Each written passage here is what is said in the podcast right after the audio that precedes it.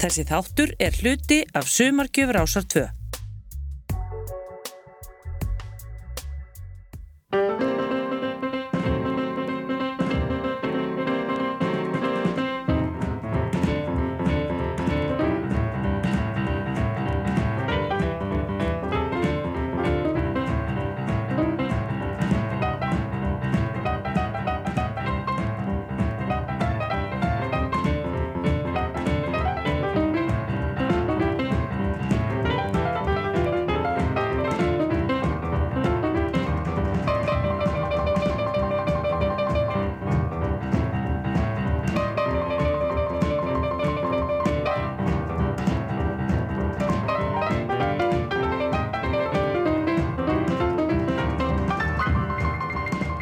dag og velkomin í þriðjamannin. Átnið Þorrensson heiti ég, Ingólfur Margesson heitir hinn og sá þriðji. Svo þriðja er Emiliana Torrini söngkona. Velkomin Emiliana. Takk. Nú fyrsta plataðinn, Crucidula, fyrsta soloplataðinn. voru nú að bera þetta rétt fram á Crucidula. Crucidula Hvernig myndir þú bera þetta fram, Emiliana? Cruzy de loin. Ó, fyrir-. Já, Ég veit ekki. Ertu sleip í fransku? Nei, ég kann ekkert í fransku. En Crucidula, Mm. Um, hvað merkir þetta orð? Ég var að reyna að fletta þessu upp í orðabók, ég fann það ekki. Crucidula. frönsku? Nei, nei, á íslensku. Ég, vistu það, þetta hefur alltaf bara verið notað sem svona eitthvað um, svona kjúsilegt. Svona krútt eitthvað. Mm, já, Myndur þú segja að Átni var í Crucidula til dæmis? Nei, já, já Takk, takk Á, þetta var- En þessi, þessi ágæta plata, mm, hún varð ein söluhæsta, ef ekki svo söluhæsta fyrir jólin núna. Hvað, eh, hvort var hún? Var hún ein söluhæsta? Nei, hún var ein sölhæsta, hún var ekki sölhæst. Hver var söluhæsta, vistu það? Uh, ég held að það verið Pállóskar. Mm en, eh, en þessi gekk vel. Já, mjög vel. En þessi jól og þessi áramót, voru þau svolítið ólík því sem að þú manst eftir svona úr ræskunni? Jólin, Já. í, já, heldum ekki jólin heima. Heldur ég ömmu minni. Já, já, Það er vilt svona 15 manns í mat hjá okkur á jólunum, öll familjan. all familjan. Og núna var það heima hjá ömmu. Og flestir voru ekki í jólabúðinu, allir hjá kæristum og svona reykt Allt svo jól. hjá, hjá móðurömmu þinni. M- Móðu mömmu. Móður, já. Mó, já. Móðurömmu. já. já. er, er þetta eitthvað ný svona jóla tilhugun eru síðustu stóru jólin haldin núna er það búið, verður þetta fyrir ámiðin í framtíðin og allir konur út Já, um eftir allt við fluttum, við byggum í Kópaunum í svo stóri íbúð sem fluttum við á frakkastíðin og búum við minni, miklu minni Mhm. íbúð þannig að komast ekki allir fyrir. En hvernig fóru þessi þá jól fram hjá ömmuðinni? Hvað gerðu þið? Mm, það fyrsta sem ég gert það við borðum svínasteik, alveg risastóra með Já. rosalega harðri puru. þegar það komist í gegn Ha, þegar komist í gegn já. Og hérna, mm, síðan er borðað möndlugrautur og ís, síðan opna pakkana. sem fjæstu, tala fjæstu saman. möllun og nokkuð? Nei, ég fæ hann aldrei, en að langaði minn og Lórans, Já. og hvað var í velun það var eitthvað konfekt. Hann hérna fær alltaf möndluna, hann einhvern veginn felur hann alltaf upp í sér, þannig að allir er búin með skálina. það sé ekki með auka möllu bara? Jú, ég, við vorum að pæli því, ég var ógislega pyrrið á þessu, hann er alltaf með möndluna. Og er brýður stundum á hann og kingir henni bara og segir að hann hafi verið með hann, nei, ég segi svona, hvað fyrstu nú jólagjöf? ég fekk bækur í fyrsta skipti á eyfi minni, Ah, fyrsta skilu ekki það sem æfinni. ég virkilega langaði í. Hvað bækur? Ég fekk uh, Movie Chronicles sem sagt, uh, frá því að bíómyndir hófust og nú, þá til núna í dag og síðan fekk ég Marju Já, já, ég- ég- hver er að breyta hana? ég er myndið að lesa hana núna og hún er ofsalega fín Mm, og síðan þetta er las að vera mjög sér. síðan fekk ég Pálu eftir Isabel Allende og ykkur af fleiri, ég man ekki hvað alveg hvað. Jú, ég fekk hérna H.C. Andersen rítin að því að þeir eru hættir að flytja koma með hérna grímsæventýri Hættir að- að Já, hitta þeim. grímsæventýri er ekki til. Mér finnst það alveg hræðileg mógun Mm, Þetta eru æventýri sem að allir krakkar eiga að læra á. Allt fólk á að eiga og það þeir ekki bara að taka þetta af markaðinu Nei, þú, þú ert bara í H.C. Anderson þessi staðina Já, ég elska æventýri er, Mhm. Ég er að sapna öllum Walt Disney myndunum. Já, ég er trefin af þeim. Já, já, svona oft. Ég var ekki hrifin að Lion King. En Pocahontas. ágætt. Mér finnst bara, má, má ég setja út á? Já, já, ég já, mér finnst hérna teikningarnar núna eins og gósi í gamla daga eins og gamlu myndirnar um, mjallkvít og svona teikningarnir eru miklu falleri Mm. það er ljóma allar miklu betur og eru svona glansandi og þetta eru svona litla glansmyndir ofsalega fallegt og gaman að horfa það svona ævintýralegt. Maður verður svona æstur að horfa það sko. En núna eins og eins og myndirnar um, Pocahontas einmitt og hérna Lion King það eru það, þú veist, það er rosalega vel teiknað allt en málingin er svo þurr. Þetta er eins og- eins og Og hafa gert með já, tússi bara svona óvandaðar, miklu óvandaðar fyrst mér. Þótt þeir sé að farið frumskóin og mála þetta þá er þetta ekki eins flott. Fjöxt enga plötur. jú, ég fekk hérna pizzicato plötu aðra. Japanska, japansk hljómsveit. Já, Þetta já, er einmitt með eitt lag. Já, þar eftir þá ég var að fá aðra plötu með þeim. Já, við spilum það eftir. Hérna, gafstu margar gjafir sjálf? ég gef bara þeim nánust ég er búin að lítið fyrir að gefa einhverjum fjarlægum sem ég hitti einu svona árið eða eitthvað Hvað eru þínir nánustu þá margir? Mm. Mm. þeir eru svona 20 Já, 15 þá skil ég þú og fer ekki mikið út fyrir þann hóp. Nei. Já, já. Jæja, eru jólin svona veralli hátíð í, í þínu lífi eða ertu trúur?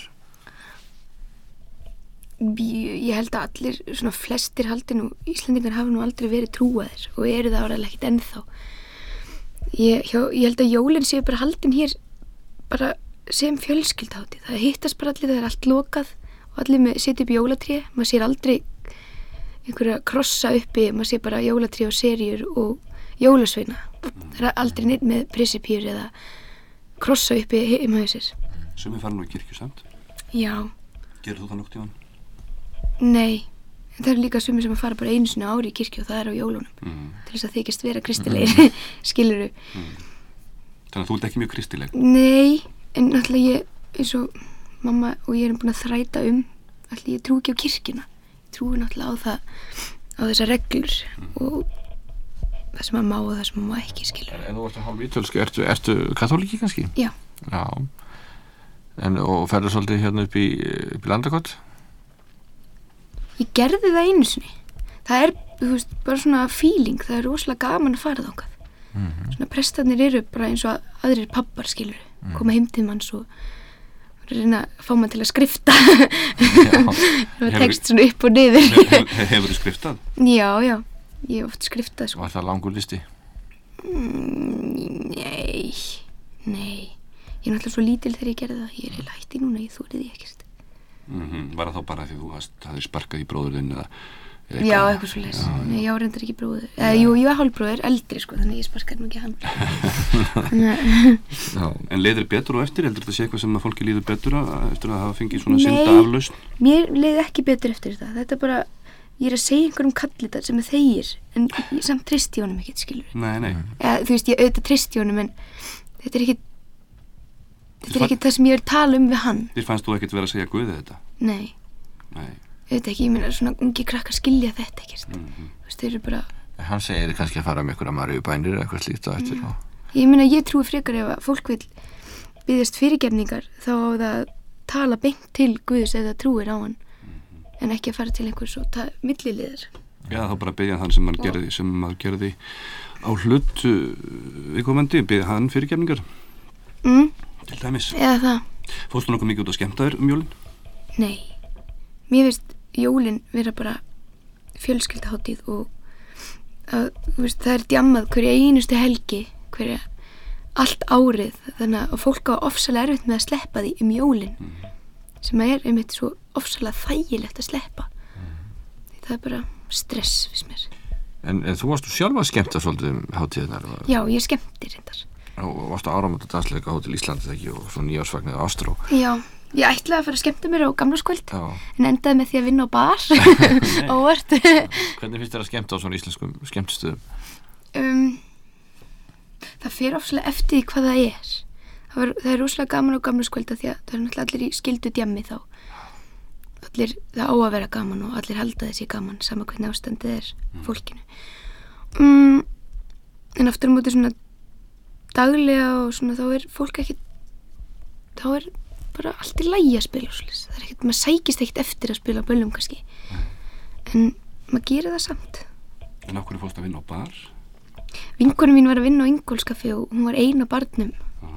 Og hann að ég stökk á barinn og byrjaði að afgreða þar. Var gaman að því? já, það var úkslega gaman. Ertu búin að leggja fram reikning fyrir vinnuðina? nei, En hvað með hérna, þú sérst líka fyrir alla stjórnmánulegtóðana hérna, í þessu kryddsíldarprogrammi á stöða 2 á gamlastag. já, Hvernig upplifum maður það? ekki neitt maður bara býður þannig til maður er að syngja svona gefur maður merki og maður lappar og syngur Þú syngur ekki öðruvísi fyrir politikusan eða annað fólk? nei, Voru þeir hryfnir að þér? Eða þær? Eða þau? ég veit það ekki ég veit það ekki, þeir náttúrulega klappaði náttúrulega sinni skildurekni líka Mm. þannig að ég veit það ekki, já og nei Varstu hrifin af þeim? Ég? Já.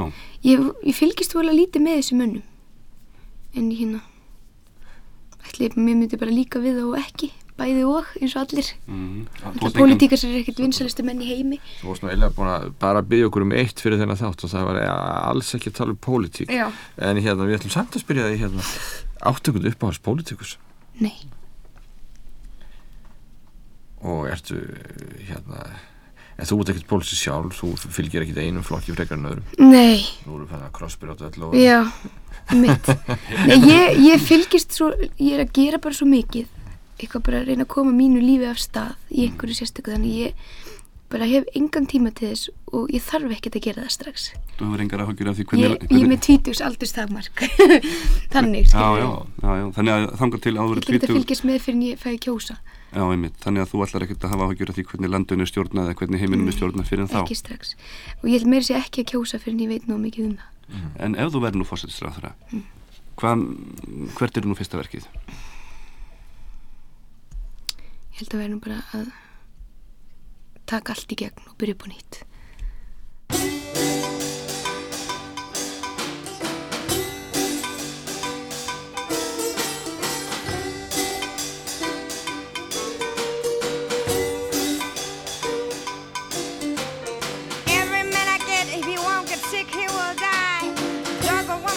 him, he's a doggone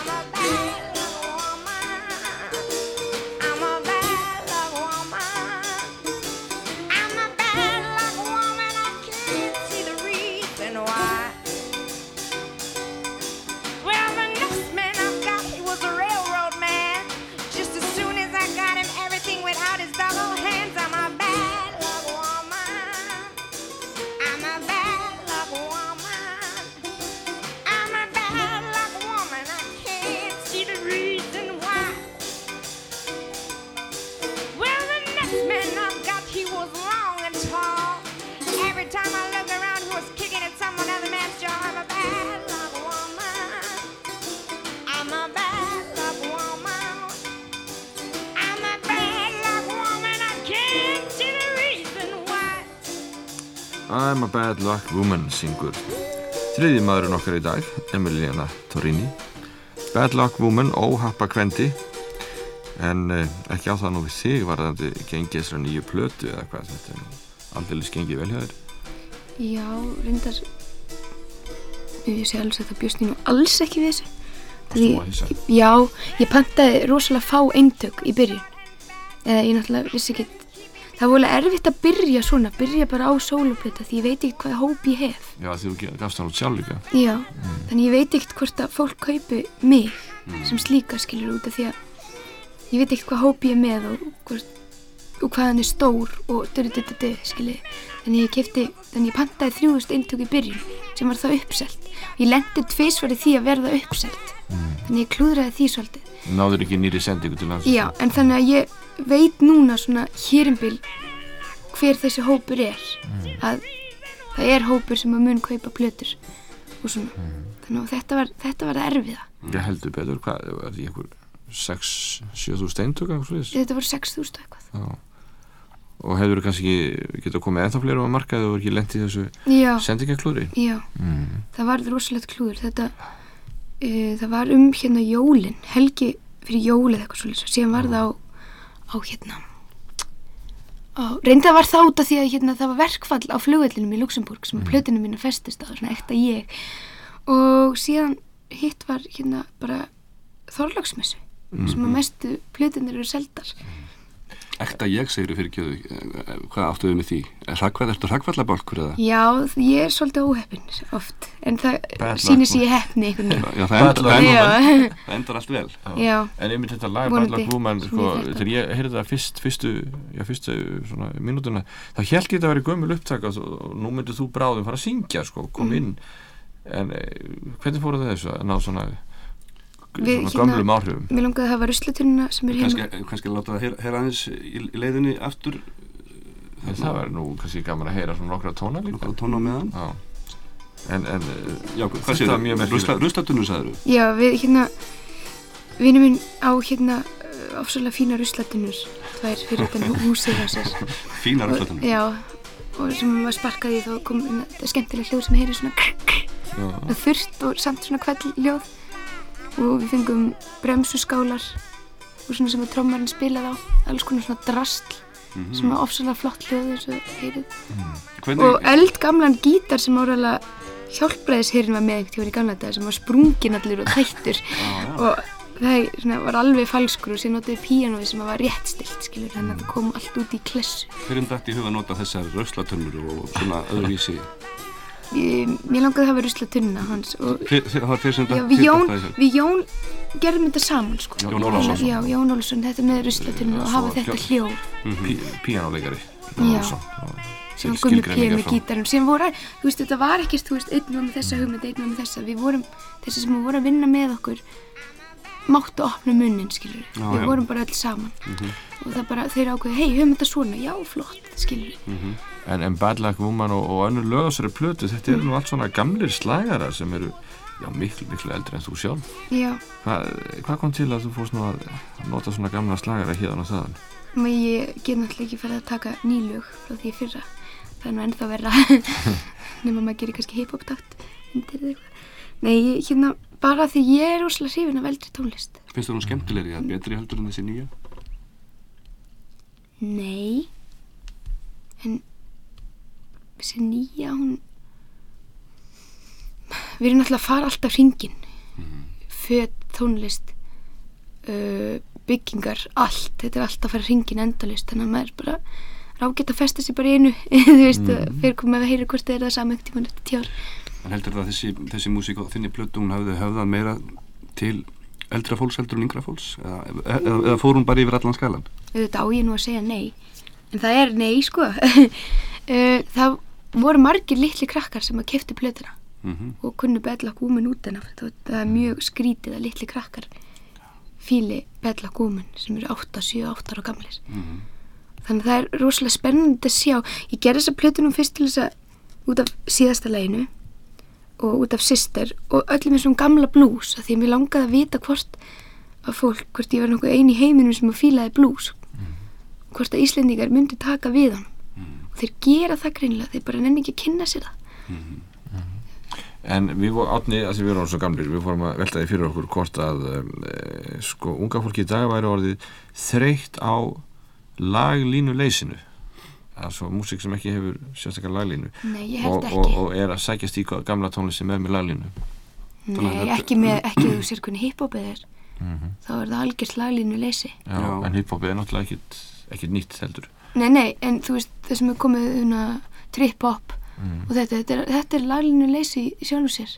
Þetta er bara tekið af gömum plötum og þetta er allt. Ert þú hrifin af þeirri músík? Ég er ofsalega hrifin af sumið þeirra, já en ekki öllu. Þetta er svona veist þetta ég veit ekki, mér finnst þetta svona uh, já, mér finnst það fínt að það er ekki notað hey, ho, eins og en öðru hverju lagi. Og hérna og jump, jump, jump. Og það var eitthvað eitt annað. Hérna hérna everybody in the house say yeah, yeah. Veistu? Það er svona alveg bara, oh, mér finnst það alveg, alveg brotætt, það má ekki nota þetta oftar. En þú semur svolítið af lögum sjálf, eða ekki? Jú, Hvernig lögur það? Er það? Þau eru ekki með þessu sem þú nefndir. nei, en ég, mér finnst rosalega gaman að gera svona tónlist Þú veist, það fyrkt í tölvin eitthvað og, þú veist, ég fíla trip-hop, mér er svona rólega, ég fíla ekki svona dú, dú, dú, dú, fulla spannandi tónlist En ég sé meira svona, hva, ég veit ekki hvað, hvað ég á að kalla hana Ég er rosalega léleg í að setja, setja tónlistur í hópa? Nei, hún er þetta er bara svona, hvað maður að segja svolítið trúbáturleg Já. tónlist Er þetta flautana? ha. Er þetta flautamúsíkina sem þú semur? Það er að segja, hefur hún laglínur? Já, hún hefur laglínur en síðan eins og ég bjóð til lag þegar ég var hvað, 14-15 ára ég er bara, já síðan er nýbyrja að hlusta á Melanie Mhm. og hérna, og það var ein línan ein laglínan alveg svo í einu Melanie læginu og ein alveg svo í læginu með hérna, Nick Cave mm. uh, sem sagt kórusin hjá mér var eins og versin hjá Nick Cave mm. nýja læginu með honum og, og neðan annari konu kelli mig nú Mhm. þá, þá var allt ónýtt það var láfið að ég hætti að semja því að það er ekki hægt að semja nema að sé eitthvað Það er ekkert nýtt, ekkert nýtt í óþolandi. sólinni, sko. En, en, en hvers vegna settur þá ekki þína músík á þessa plötu? að því ég, hérna það fyrir líka bara eftir hvernig fólk er tilbúið og hvort það vilja nokkuð gefa það frá sér hvort þetta sé bara eitthvað sem að þú vilt eiga handa sjálfur og náttúrulega núna eins og er er ég bara söngkona Hmm. þú veist, ef að eins og margir hvað, hvað, hvað kallar maður náungar sem er að dæma plötur í blöðunum og svona Já, gaggrindur. Já, gaggrínendur til dæmis þeir taka þeir gleyma alveg að gaggrína okkur eða gaggrína mig eða Pál Óskar eða þá sem eru að gera einmitt svona plötur eins og óperusönguna óperusöngur er búið ekki til sína tónlist sem eru að syngja og þeir geta ekkert fyrir að imprúsera bara eitthvað. Og leikarar er ekkert alltaf búið til bara svona leikritin sín sem þeir gera. Nei, þannig að leikarar og óperusöngur er ekkert frumleir og við erum það Túlk, túlkandur? við erum bara túlkandur og það er það sem þeir eru að gleyma. Finnst þú að fengi þannig kritik að, að, að nei, reyndar ekki en ég sé það hjá öðrum og þetta fær maður alltaf svona skot. En þeir verður bara að læra Já. ef þeir geti, kunni ekki dæma svoleiðis þá kunna þeir ekki að dæma neitt Nú saði ég mitt hérna einn, gaggrinandinn, það var nú uh, popsérfræðingu morgunblæðisins, Átni Mattíasson, hann skrifaði grein í áramótablaðið einmitt þar sem hann talar um niðurlægingu íslenskara hljómblöð útgáð í þessu samingi og förðar sig á, og nú vitna ég orðrið díjan, að, að framúrskarandi plötur íslenskar listamanna sem sunga á íslensku, frumsamin lög, sín eða annara, hlutu ekki náð fyrir eirum plötukaupenda eða ungmenna sem óskuðu eftir plötum í jólagjöf. Ertu sammála þessu? Nei, síðan sá ég nú annan, það var ekki annar listi sem hann gaf bestu plötur ársins. Ég sá hann ekki betur en það var nú eiginlega bara útlenskar plötur. Já, það tvískiptur sko, íslenskur og... já, en það voru voðalega fáar. Svona, þetta var voðalega mikið eitthvað Mm. útlenskt. Og líka ennst og íslenskir sem eru mennska texta og svona?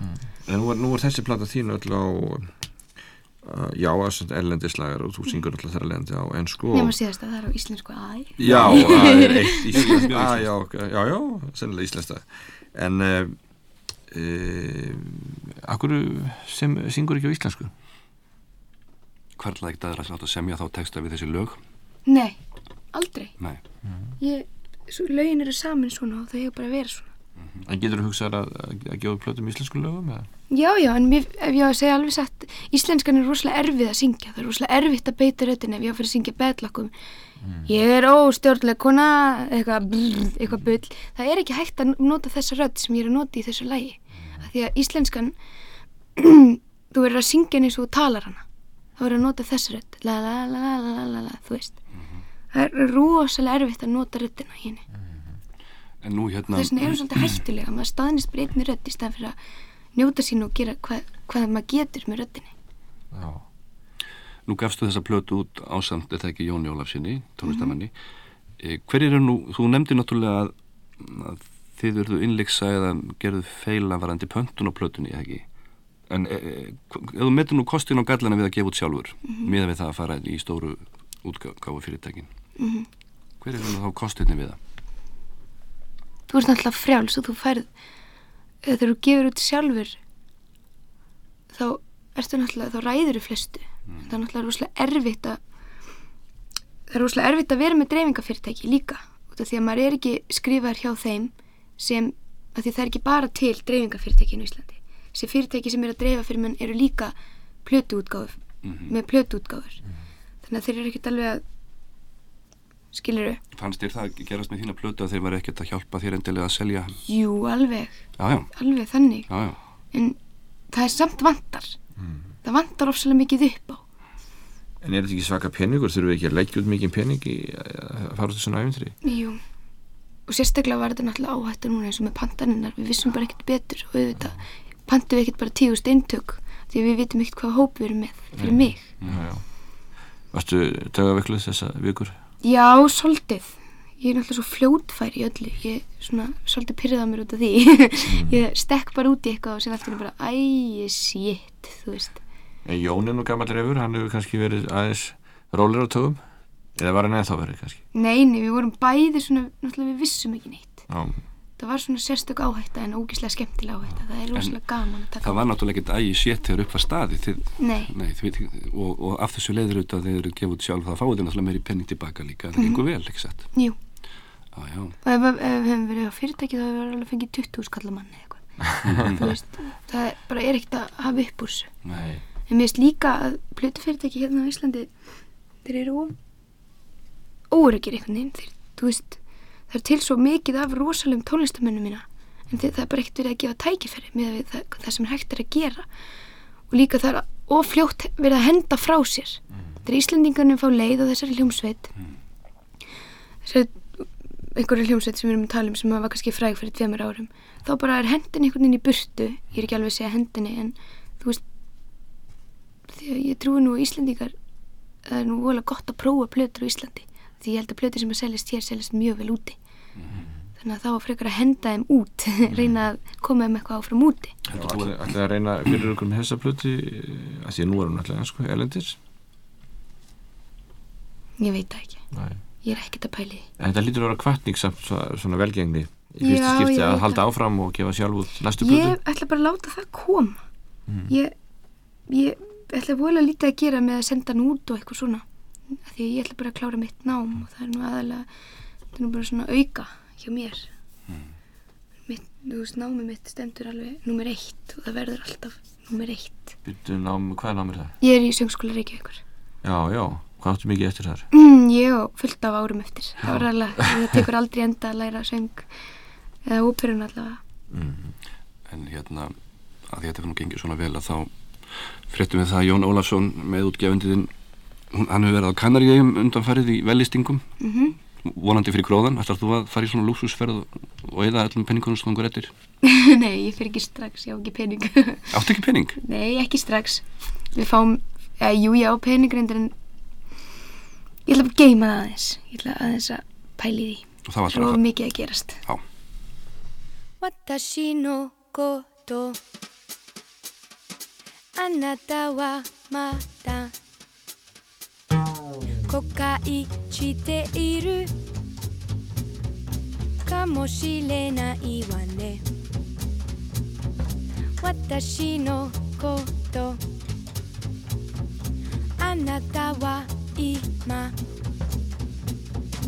嫌な女だって。思ってるんでしょ。そうよ私は手からみで気まくりで生気で。わがままで贅沢で気取りで。嘘つきであやふやで嫌加減だけど私は許されちゃうそれは私が可愛いか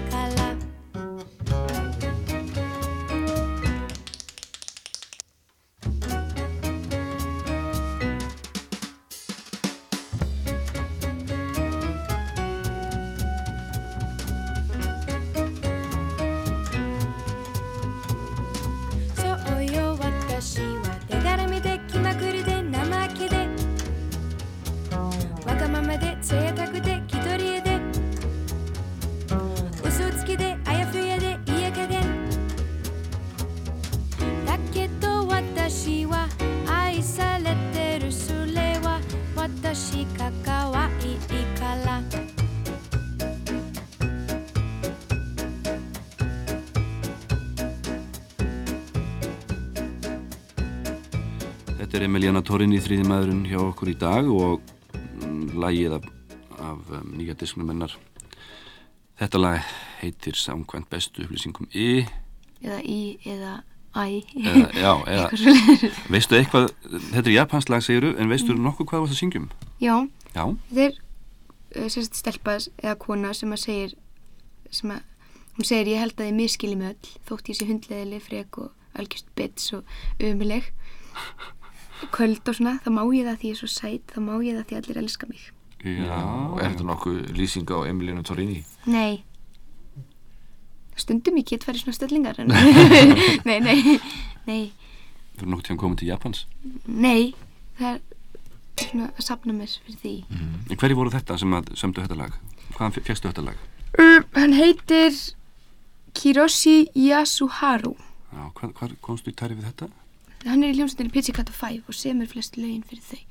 Þau- þetta er japansk grúpa. Sem þú hefur kynst svona bara gegnum já, þetta er svona sigursætt pop sem við spila en það er alveg rosalega fyndið. Mm. skemmtilegt að hlusta En er svona Japan og Asjölönd, framandi lönd, fyrður heimsins, er þetta eitthvað sem heila þig? já, já. Ég ætla náttúrulega að ferðast út um allan heim og vera í svona 15 ára ég ætla að fá að taka mér svona 15 ára hlýja einhvern tímann Er bara 15 ári ferðalög. já, og ég hef engan pening og þurfa að betla og stela að Ljúa þig áfram. Já, maður þarf að fá æfingu í því þá verður maður besti businesskall í heimi Já, já. En eh, þú hérna, þú getur náttúrulega sungið á börum og svona og komið þér áfram. Já, já, Eða í óperuhúsunum. já Já, ég vona að vera óperuhúsin Mm. En þú sagði nú reyndar í viðtalið við morgunblæðið að, að þetta að ég langaði nú mest til að ferðast og svo sagður ekki síst til Þýskalands að hitta vini mína og liggja svo skata og borða súkulað á brauði. Mhm. nú áður en lengri haldið súkulað á brauði, er það gott? Já, ha- hafið ekki séð þetta, þetta er Nutella. Nei, Þetta er svona, Þessi borða þetta, ég borða þetta það, það er ekki farið út nema að kaupa heila svona lítir stolli af súklaði sem maður smýr hún á brauð. Já, já. Já, þú meina það svo eh, sem álegg? Já, Já, já, já, ég, ég held að það væri eitthvað sérstök brauð sem væri bökuð með súkulað og ná, nei, nei. Nei. Já, Jú, það var nú líka reyndar hægt að gera það. Baka brauði bara og setja gat og súklaði lengi inn í eitthvað. Finnst þið sætindi góð? Já, ekki lengur samt. Ég er hægt að borða nammi. Hvað kom, kom fyrir? Ég veit það ekki, mér fannst poppinu svona vond og ég byrjaði að borða það eins og ég veit ekki hvað Síðan, ég, ég meira, í staðan fyrir að fara til sjoppu þá verð ég á veitingastað, ég er þannig. Og borða, ég veist, ég get farið upp í fimm máltíðar á dag. Að borða, ég veist, vakna mótnana og, panta með pítsu og með hátið fer ég með að fá mér lasagna. Og síðan e, í kaffinu fer ég að einhvern annan kínvæskan stað og síðan um kvöldið og síðan borðaði ég um veist, Já, ég hérna, er svona átvall Hefur einhver áhugjur á línunum? Nei, ekki þannig, jú, auðvitað þegar ég er orðin eitthvað til að af. En þetta hljómar svona númur ímsins að já, þetta er nú sannlega ítalinn í henni sko. Já, það er það ræðilega. Þetta er borða oft 5, 6, 7, 8 réttaður máltíðir. Já, Finnst þið gaman að borða svo liðs, ítalst? það besta, ég held að það besta sem ég veit og það mista betra heldur en að syngja það er að borða góða mat. Og ef ég fer á veitingastað og fæ vondan mat þá skal staðurinn passa sig því ég fer í brjála skap. Þú veist, ef ég er að fara um helgi og ég er að fara á eitthvað fínt ball eða eitthvað og ég fæ vondan mat þar sem ég er að borða þá fer ég heim að sofa, sko. Ég brjálast. Þú tekur mat alvarlega. Já, rosalega alvarlega og ég trillist alveg. Þetta er það eina sem kemur alveg í jafnmægi. En þú eru svöng, er svolítið geðstyrð? Þegar ég söng, Já. nei, nei, þá ger ég allt til þess að panta mér eitthvað eitthvað. En, en að því að þú nefndir Þískalandi í, þessari, í þessu blaðavittali Mm. hverjir eru vinnur þínir sem þar búa? Það, ég bjóð þar sko þegar ég var 11 ára, í tvö ár. Hvað kom til? Um, bróðar hans pappa býrðan úti og, eða tveir bræður hans með veitingastæði Mm og, og einn er að byrja í Mörfeldin og er með pizzeria, pizzeria La Linea, þið mun eftir línunni í sjónvarpinu. Já, já. og heitir eftir því og og og fór, við fórum þanga bara til að prófa eitthvað nýtt og svona. Þú var- og, ég, pappi og mamma, já. ég fór reyndar ég var alltaf einan á sumrin í Þísklandi Hvernig kunnur við þjóðverja? æðislega vel. Já, maður þarf náttúrulega að læra á það eins og hvert annað fólk. Mm -hmm. að fólk fái alveg jafn mikið sjokk þegar það kemur hingað og fer til Þísklands og við að fer til Þísklands það þarf að læra á það svolítið. Þeir eru rosalega lokaðir og eru óöryggir, alveg hryllilega óöryggir það er náttúrulega ný kynsluð að koma sem er allt öðruvísi heldur en þessi gamla leiðilega kynsluð hún var leiðileg og er leiðileg. Þessi eldri kynsluð, hún er það bara óvart. Ég veit, veit enginn hvernig það gerðist. En þessi nýja kynsluð hún er að koma og er rosalega skemmtileg. Og ég held að þetta sé eina fólki sem kann að skemmta sér einhverju viti. Hvernig er að skemmt sér að viti? það er bara að geta skemmt sér án þess að hafa einhverju verið eitthvað með stress að bara hafa að vera mello og bara skemmta sér að því það er gaman ekki að skemmta sér bara því að það á að vera gaman. En það er nú komið fram hérna hjá okkur að þú kemur úr tveimur áttum Ítalíu, það sem pappið þinn kemur og svo Íslandi mm. móðurættina.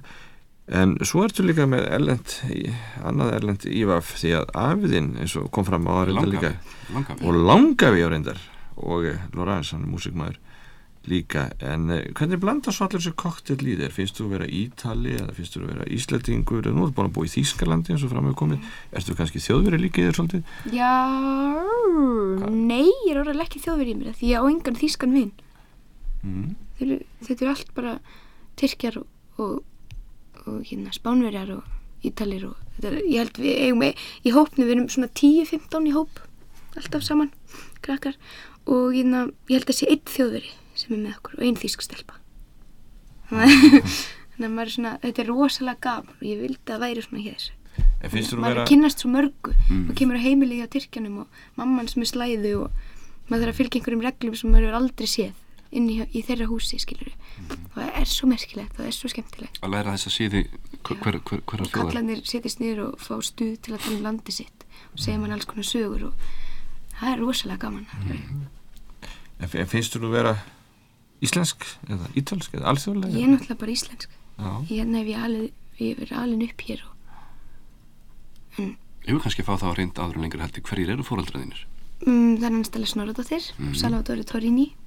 En hann var að breytast nafninu sinni í Davíð Eiríksson. Davíð Eiríksson. Davíð Eiríksson. Nú er aðeins, aðeins að koma aðeins og fljótt til hans. Já. Nú er, nú er já, En, Hvað- hvað en, gera en, þau? en, en svíðan heitir þú Emiliana, myndir þú segja Emiliana Torrini eða Emiliana Torrini? Emil, Emiliana Torrini. En hérna máli var ég heiti Torrini ég var skýrð náttúrulega úti. Já. það var nú eiginlega mamma Spaltasars Kormóks að þakka. Af því hún var að berjast fyrir þessu hérna einhvern tímann held ég. Að mamma, hún vildi, hún vildi ég heldi nafninu Emiliana, það mátti ekki skýra með það.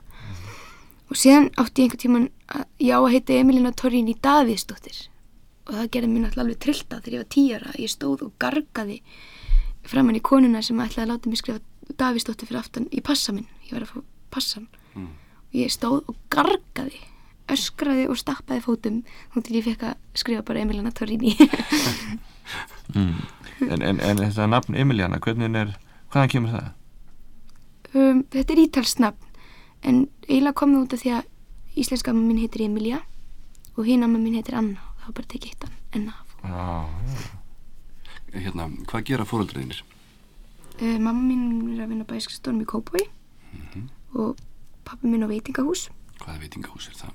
á Ítalíu Á Ítalíu? á lögveginum Já, já, lögum, já, já, já, já. Þannig að þú ert þá þar á mótnan og hjáttinu eftirmiddaginn og kvöldin og pappi er að fara hausin út af mér nei, ég segi svona það er alveg, ég er alltaf þar Já. Í þetta En það er alveg gaman að sjá á, á, á þessu umslæðinu að sjá plötumslæðinu þá uh, þakkar við sérstaklega fóreldriðinum Já.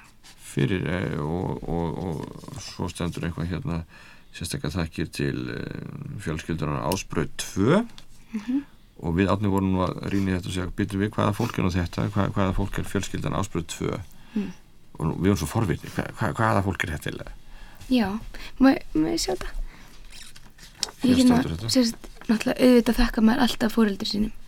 Það er bara eitthvað sem maður á að gera.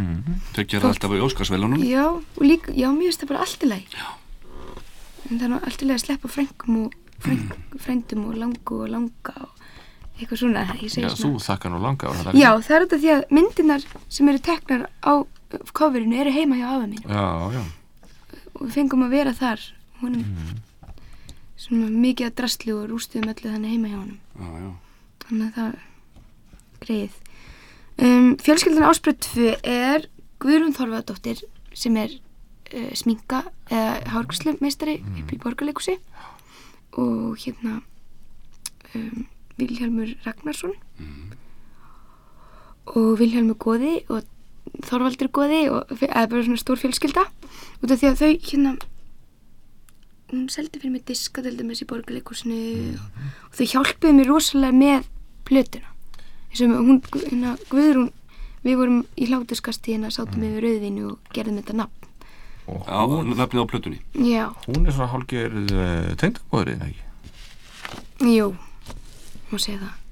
Ja, þannig að komum við upp með ástalindamálið Mhm. en uh, uh, við aðeins törum áfram með fjölskylduna þína hvað, átt þú sískinni eða? já, ég var hálfbróður og hann er eldrið yngur og þú já, hann er 24 eða 5 held ég hann, hann er flugmaður Er þið lík? í fasi þá Já, ég með, já. Nei, við erum ekki lík í svona Jú, kannski það er náttúrulega svipur Við erum með þennan Torini svip sem er ekki hægt að losna við Og hérna hvernig, hvernig svipur það? Það? Er hérna, það, ég hef til dæmis Pappi, hann átti nýju sískinni Þau voru tíu. Og ein systir hans dó í hérna Í brúðkaupsferðalæðinu sinu Það kerði trukkur á bílinn þeirra. Og hérna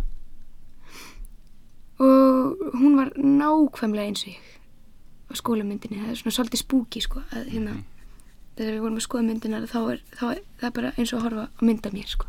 Það er hún, alveg nákvæmlega eins. Og þess vegna er líka svolítið viðkvæmt að gera grína Torín í nafninu. Það er margt búið að gera sem má ekki vera að segja. Í hljóttum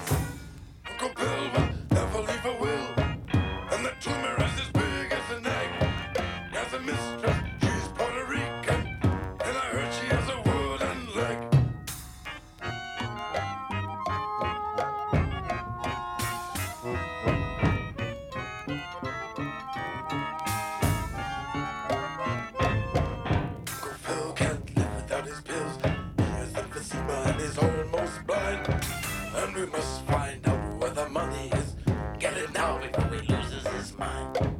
Uncle Vernon, Uncle Vernon, independent as a hog on ice. He's a big shot down there at the slaughterhouse. He plays accordion for Mr. Weiss.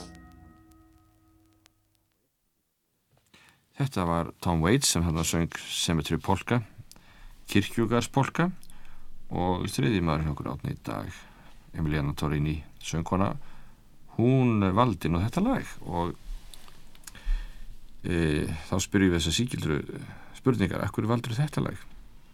mm, Ég heyrði í Tom Waits þegar ég var eitthvað svona 13 ára hjá vinkonu minni.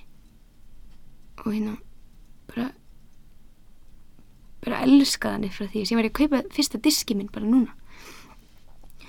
Og því að mér er svo skemmtileg hljóðin sem hann notar og flott röddin í honum. Bara flott típa típa. E, hérna nú hafa reyndar talandi um kirkjugars Polka nú hafa margir af uh, þínum kollegum svo fólki sem er, er, er í popinu svona gegnum tíðina það hefur margt endað í undir grænni torfu mitt í kirkjugarum heimsins Það nú frendar Og, flestir en mjög ungir sem sagt. uh, já maður er nú bara poppar ungur eða látið það ekki Nei, nei, nei, nei, nei. nei, þeir, þeir eldast nú sumir ákveðlega sko. En þeir sem ekki eldast, þeir enda allavega undir grænni torfu og við vorum að velta fyrir okkur í myndi vatnið, við vorum að undirbúa þáttin akkur degja svona margir poppar ungir hefur þú einhver svörið því? það er bara margir þeirra sem eru svo miklir aumingjar að þeir eru ekki nógu sterkir fyrir hennar bransa orðalega. ég held að ég finna einhvað þeirra skýringu á því Ertu nokkuð rættum að þú sért ekki nógu sterk? ég, ég held að enginn sé á sterkur fyrir hennar bransa en það eru bara aðri sem að taka því öðruvísi ég held ég myndi ekki taka því með því að skjóta mig í hausin eða, Ég dópa því... eða dópa mig í hel. Nei. en you know, þau, ég held að það sé bara þetta er bara náttúrulega fólk sem að tekur þess ekki. Er þetta töff bransi? það er það, ég reyndar ekkert mikið inn á Íslandi, ég finn ekkert fyrir því. Ég reyndar ekkert alveg inn í honum. Veit ekkert mikið hvað er að gerast og svona. Og hérna en ég, ég get alveg ímyndið mér það. Ég var í hérna samningamálum eins og ég var nú bara hrætt við að skoða hann skilur þannig að það mikið sem að er að gerast. Og það er mikið sem að þú ert að missa. Vitum hvað þú við þá? það er bara margt. Þú ert kannski að missa þitt svona privacy og getur ekkert gert það sem er langa til endilega. Þannig að það er rosalega erfitt að fá að gera það sem mann langar til. En nú ertu náttúrulega, þú ert, uh, ég veit ekki hvað það voru það sem baktrykkingu, en þú ert allavega að, að um, læra klassískan söng meðfram. Já. Hjá Þurriði Pálsdóttur ekki sett. Mhm. um, kannski byrja á því, Jón, hvernig kennari er Þurriður?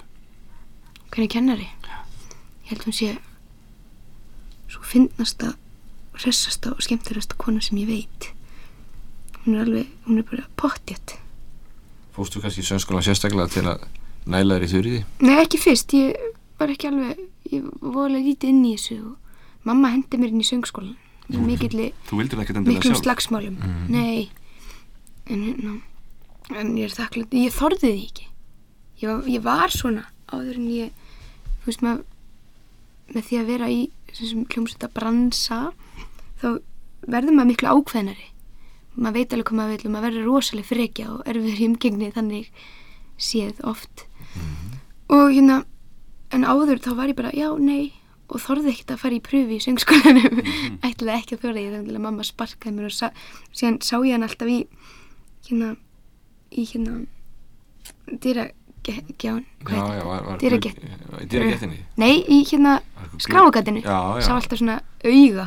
Það var hérna vantaði hurðahúnin Uh, og hérna þá bara gekk vel og síðan bara mamma hún hefur mm, margt gert til þess að íta mér út í hlutina. Eða þurrið mjög ákveðin við þig? Hún er ákveðin og ég myndi nú ekkert vilja vera hjá kennar sem var ekki ákveðin. Er hún nokkuð óanæg með það að þú ert að, að dingla þér í poppinu meðfram? nei, ég gaf henni plötu og ég var rosalega stressuð yfir því. Mm. en hún bara, hún er "Ú, þetta var svo æðislega plata. Já. alveg vilt yfir henni sko. Já, já, og síðan vorum við að taka eitthvað taka eitthvað lag hérna. Eitthvað klassist lag og hún vildi ég fara að improvisera og taka þetta í poppinu bara. Fyrir að tjúta þetta hérna inn í stofu. Hún er alveg hún er svona skilningsrík og skemmtileg en líka það kemur bara að því að maður þurfa að velja Að velja á milli popsins og, já, kemur að því og hvort heldur þú veljir? ég held ég, ég, náttúrulega ég er alveg ég held ég myndi velja óperuna Þartu virkilega að velja? Er það nöðsynlegt? já, röddinn náttúrulega breytist ósælrátt Já. Hlustar það mikið óperur? Nei, ekkert svona hvernig degi en mér finnst það rúslega skemmtilegar Hvað, hlustar það mest á? Einstakar aríur kannski sem að Mér finnst hérna Arian með hérna búið lakka mig, ég man ekki hvað söngan ég veit ekki eins og hvað Arja það er ég er ekkert að leggja neitt að minnið það er eina Arja og lakk mig, það er eina sem ég veit En ef við myndum tala um áhrifavaldana í, í, í tónlistinni mm. hver eru helstu þín, þínir í tónlist? Ég veit ekki, ég get aldrei svarað þessari spurningu ég held að sé bara Einhverju myndur nú segja Billie Holiday. Nei, ég hlust ekki á hana Hlustar ekki á hana? Nei. Nei, ég hef bara aldrei komist að því að hlusta á hana Nei. En Björk? Ég hef aldrei hlusta á hana fyrir núna bara Já, Ég var náttúrulega miklu, ég var svo lítil þegar hún var hérna á Íslandi Ertu hrifin af henni? Já, mér finnst hún alveg, minna náttúrulega maður er ekki hrifin af mér þá maður er geðvikur þú veist, þau já En hvað með svona eldri, aðeins eldri poppar eins og stuðmenn? Það eru gaman að þeim? Já, ég hefði, ég var rosalega hrifin Já, ég var, hérna Ég er mjög hrifin að rauka gísla Mm. En Ragga Bjarna? Rauka bjarni En Ragga Bjarna? Já, já, hérna Ég hef ekki á hann ég bara, hef aldrei fylst með ég, veina, ég reyna þeim sem veit ekki nöfn á neinum í popransunum fyrir núna, ég er svona að reyna að leggja En, minni en einmitt að þú nefndir okkur gísla hérna, hún kom einmitt út með soloplötu í fyrra Hva, hvað fannst þér um hana? Mér finnst þú skemmtileg Já. Mér finnst þú mjög skemmtileg Hún er bara líka með þessa frábæri rödd Mm. og bara er flott típa En svo náttúrulega viljum við Árni spyrja um eitt gamlan lífsnautna bolta Dín heitin Martin sem var að gefa böndunum daginn Já. og nú eiginlega landinir að hluta ítalskur Já, já, einmitt akkurat svona hálfgerður- Amerískur hál- Ítali. hálfgerður landiðin hvað, hérna, hvað finnst þér um hann? Fannst þér um hann? mm, Mér finnst mann finnst náttúrulega alltaf en þá Ég veit ekki, ég, ég var ekkert rosalega hrifin á hann Mér fannst hann hérna Mér finnst Frank Sinatra miklu skemmtilega heldur en hann Hvers vegna? Bara skemmtilegri rödd og miklu ákveðnari og miklu meiri útgeislin Það syngur að hér er pínlítið örlítið fælst alltaf að frakk, veist þér ekki? Jú, það er allt í lagi Það bara, kemur bara karakter í það Hættu nú að tala um aðra en Emilíunu Torrini hér kemur hún.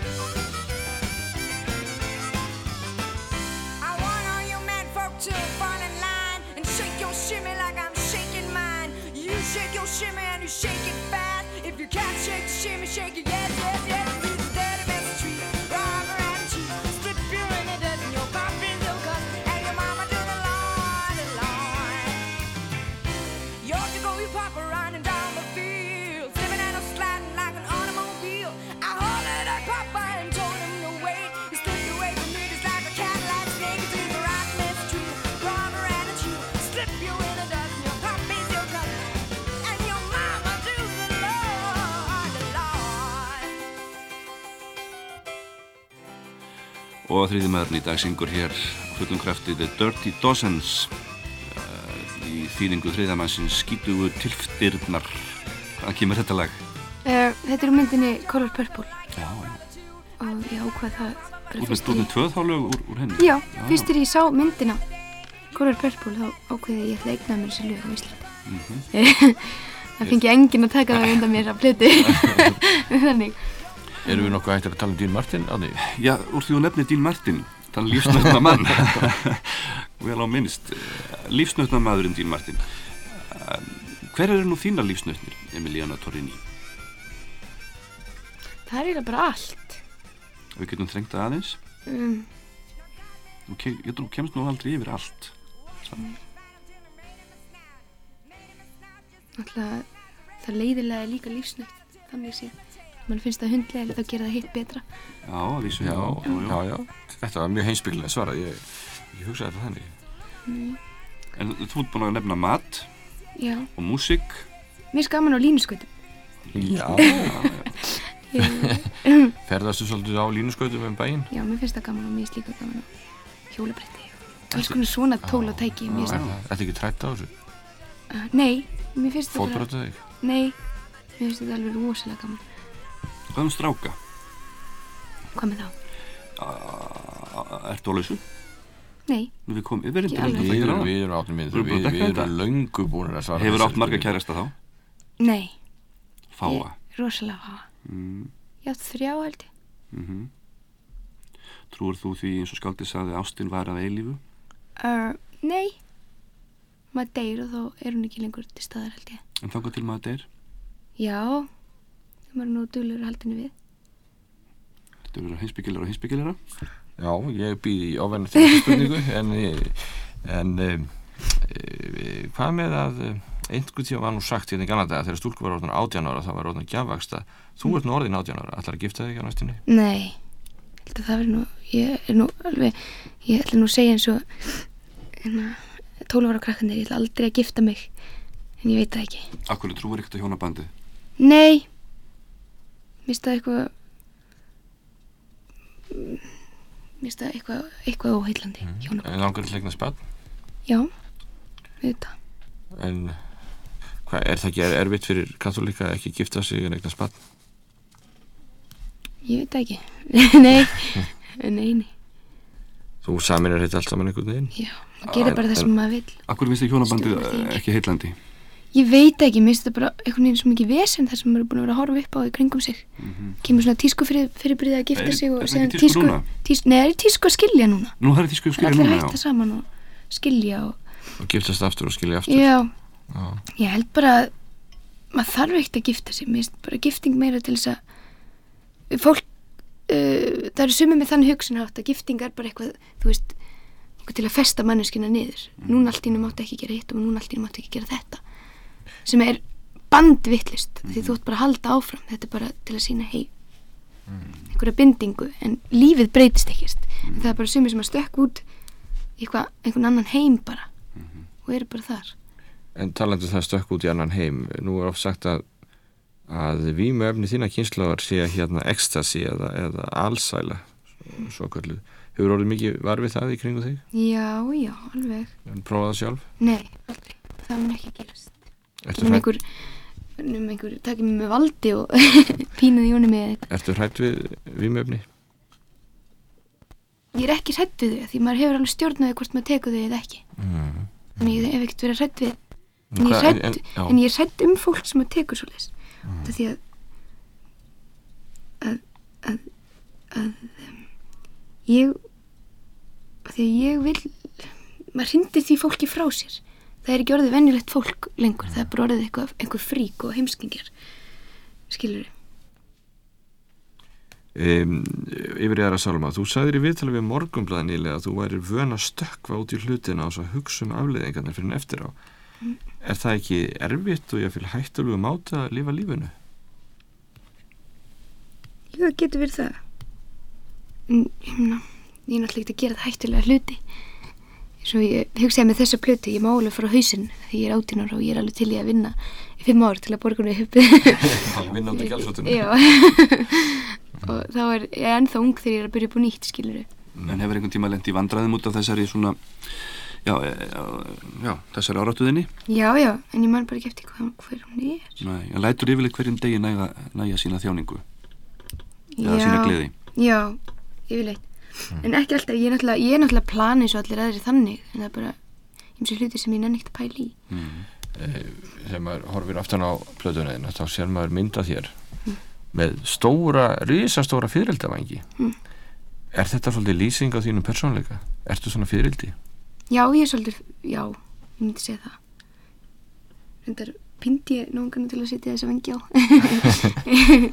Varð að hafa það. Emiliana Torini, þriði maðurinn hjá okkur í dag, nú er þessum þættaði hjá okkur að ljúka. Að lókum, ertu alltaf svona glöð og kátt? Ertu aldrei döpur? Ég er alveg ógeðslega leðilega oft. Í alvöru? Já, en það kemur bara, það er volið sjaldan held ég. En ég fyrir oft í fílu og, allt það. Heldur þú verið kátari með aldrinum? Eða ennþá? Nei, ég Erfiðari? vera alveg bara glöð. Já, Hvernig sér þú sem gamla konu? Ég sé mig á mótorhjóli. Sem gamla konu ótífali. og ég ætla að lita mér svona eins og margar gömlu konunnar núna þeir eru alltaf á sér hárið það að setja krullur og oft hárið að vera fjólublátt og þeir viti ekki af því ég ætla að láta það vera þannig það er stofslega fyndið Segir Emiliana Torini söngkona um framtíðarsýnina á sig sjálfa. Við þakkum þið kjærlega fyrir komuna Takk. og við árnið verðum hérna aftur næsta sundag klukkan 2 á Rás 2. Verið velkomin. Við þakkum fyrir